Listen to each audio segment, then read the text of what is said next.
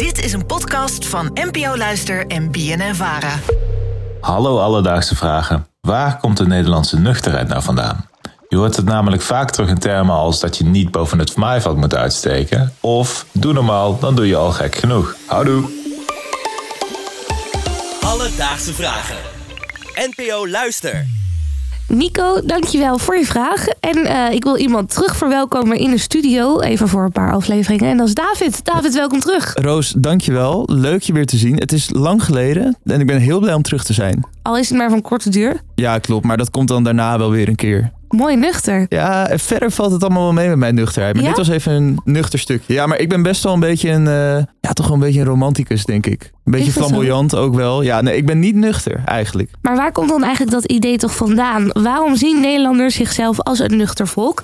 Dat vroeg ik aan Saskia Pietersen. Zij is Neerlandicus en cultuurwetenschapper. En voor dat antwoord moeten we helemaal terug naar de tijd van de verlichting. In de 18e eeuw, eh, als er veel meer gedacht gaat worden in termen van, nou, we hebben zoiets als een nationaal karakter, dat voor alle Nederlanders geldt. Ehm, en dan eh, zi- zie je dat, eh, een, dat mensen gaan denken in termen van volkskarakter. En dan komt die nuchtere Nederlander om de hoek kijken, want wat denken ze in de 18e eeuw? Nou, je hebt vier elementen, aarde, water, lucht en vuur. En de Nederlander wordt met water geassocieerd, want we liggen aan het water en er is hier veel water. Het element water staat voor flegma en dat is dan weer een woord voor dat je koud bent en niet makkelijk in vuur en vlam te steken. Eigenlijk is de nuchtere Nederlander de flegmatische Nederlander. Vroeger haalde een land zijn identiteit ook echt uit het geloof. Dus wij waren bijvoorbeeld over het algemeen protestants. Maar tijdens de verlichting veranderde die identiteit dus naar de flegmatische Nederlander. En dit is wel, dat zei Saskia erbij, een enorme pseudowetenschap. Maar in die tijd werd dat echt aangezien als van... oh, dit is waarom we dat zijn.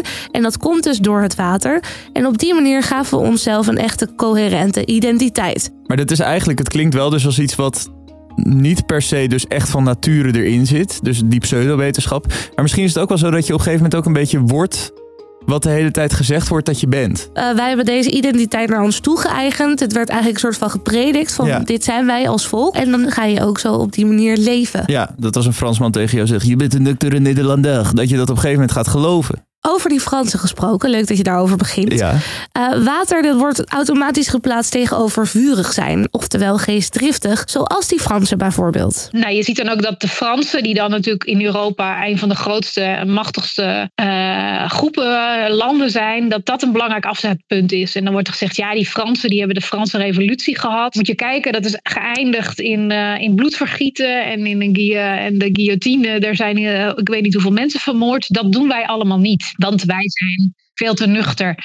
Dus dat wordt eigenlijk ook heel erg politiek ingezet om jezelf veel verstandiger en bedaagder voor te stellen dan die heethoofdige Fransen. Hoewel deze manier van denken ons een kern van identiteit gaf en geeft nog steeds, zorgt het ook voor gevaarlijke denkbeelden. En vooral in de tijd van kolonialisme. We zitten ook in een tijd van eh, kolonialisme. Dus er wordt ook gekeken vanuit Nederland naar de mensen in de koloniën. Van oh, dat zijn ook allemaal eh, heethoofdige types die drankzuchtig zijn en die seksueel ontrouw zijn. Terwijl wij zo, zogenaamd allemaal heel monogaam zouden zijn. Dus op die manier wordt er ook wel echt aan wij-zij gedaan. En dat zij wij denken, dat is nu natuurlijk nog steeds relevant. Ik vroeg ook aan Saskia, zijn we die denkbeelden rondom onze eigen nuchtere identiteit ondertussen vergeten? Nee, ik, ik denk juist dat we in een tijd zitten waarin er eh, heel erg politiek gemaakt werd, ro- wordt rond eh, nationale zelfbeelden, identiteiten. En die ook heel erg sterk verdedigd moeten worden tegen gevaren, zogenaamd van buitenaf. Niet één op één die 18e eeuwse traditie. Dat zie ik ook wel. Ja, dat, ge- dat gevoel ook van, oh, onze identiteit wordt van buitenaf bedreigd. Dat dat, dat, dat heel sterk is nu. Ja, Interessant, zo had ik er nog helemaal niet naar gekeken. Maar eigenlijk is het natuurlijk actueler dan ooit, dit hele onderwerp. Zeker weten. Wat zij ook zegt over dat het politiek wordt ingezet, dat gebeurt ook echt. Want ik zag ook oude filmpjes van eh, de coronacrisis. Toen Rutte het had over de maatregelen. Dat hij zei van, ah, we zijn een nuchter volk. We willen gewoon concrete maatregelen zonder poespas. Het wordt gewoon vaak ook weer in deze tijd extra gebruikt. Om een punt te maken ook. Nou, ik als niet-nuchtere Nederlander verzet me daartegen.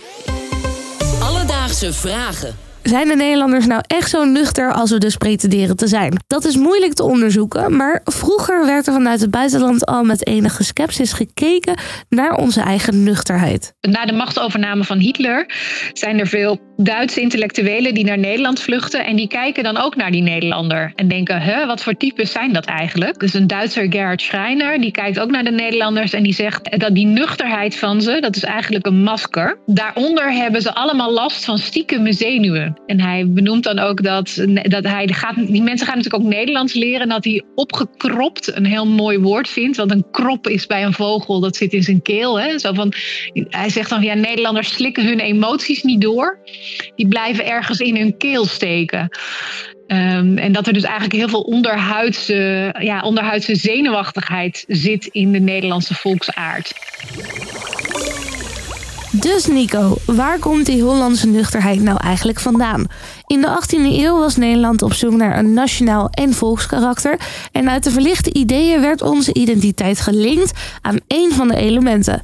Nederland is een waterland, dus kregen wij het element water. En dat water, dat staat alweer voor flegma en dat betekent dat je koud bent en niet makkelijk in vuur en vlam staat. Het flegmatisme hebben we ons goed aangemeten als nationaal karakter, maar dat is niet altijd even positief. Zo zorgt het voor een sterk zij-wij-gevoel in de tijd van het kolonialisme. En op dit moment zien we onze nuchterheid ook nog steeds als onderdeel van de identiteit. En wordt het ook vaak politiek ingezet. Of we echt nuchter zijn, dat is nog maar de vraag. Onze buurlanden zijn het er in ieder geval niet helemaal mee eens en zien het meer als een masker. Heb je nou ook een vraag? Stuur ons dan vooral een berichtje op onze Instagram, Alledaagse Vragen. En je kan ons natuurlijk ook mailen, dat is alledaagsevragen.bnnvara.nl. En dan gaan wij het voor je uitzoeken. Alledaagse Vragen. NPO Luister. BNN Vara. Ja, ik doe eens normaal, man. Ja. Lekker zelf normaal. Dat heeft hij niet... Zo, jongen.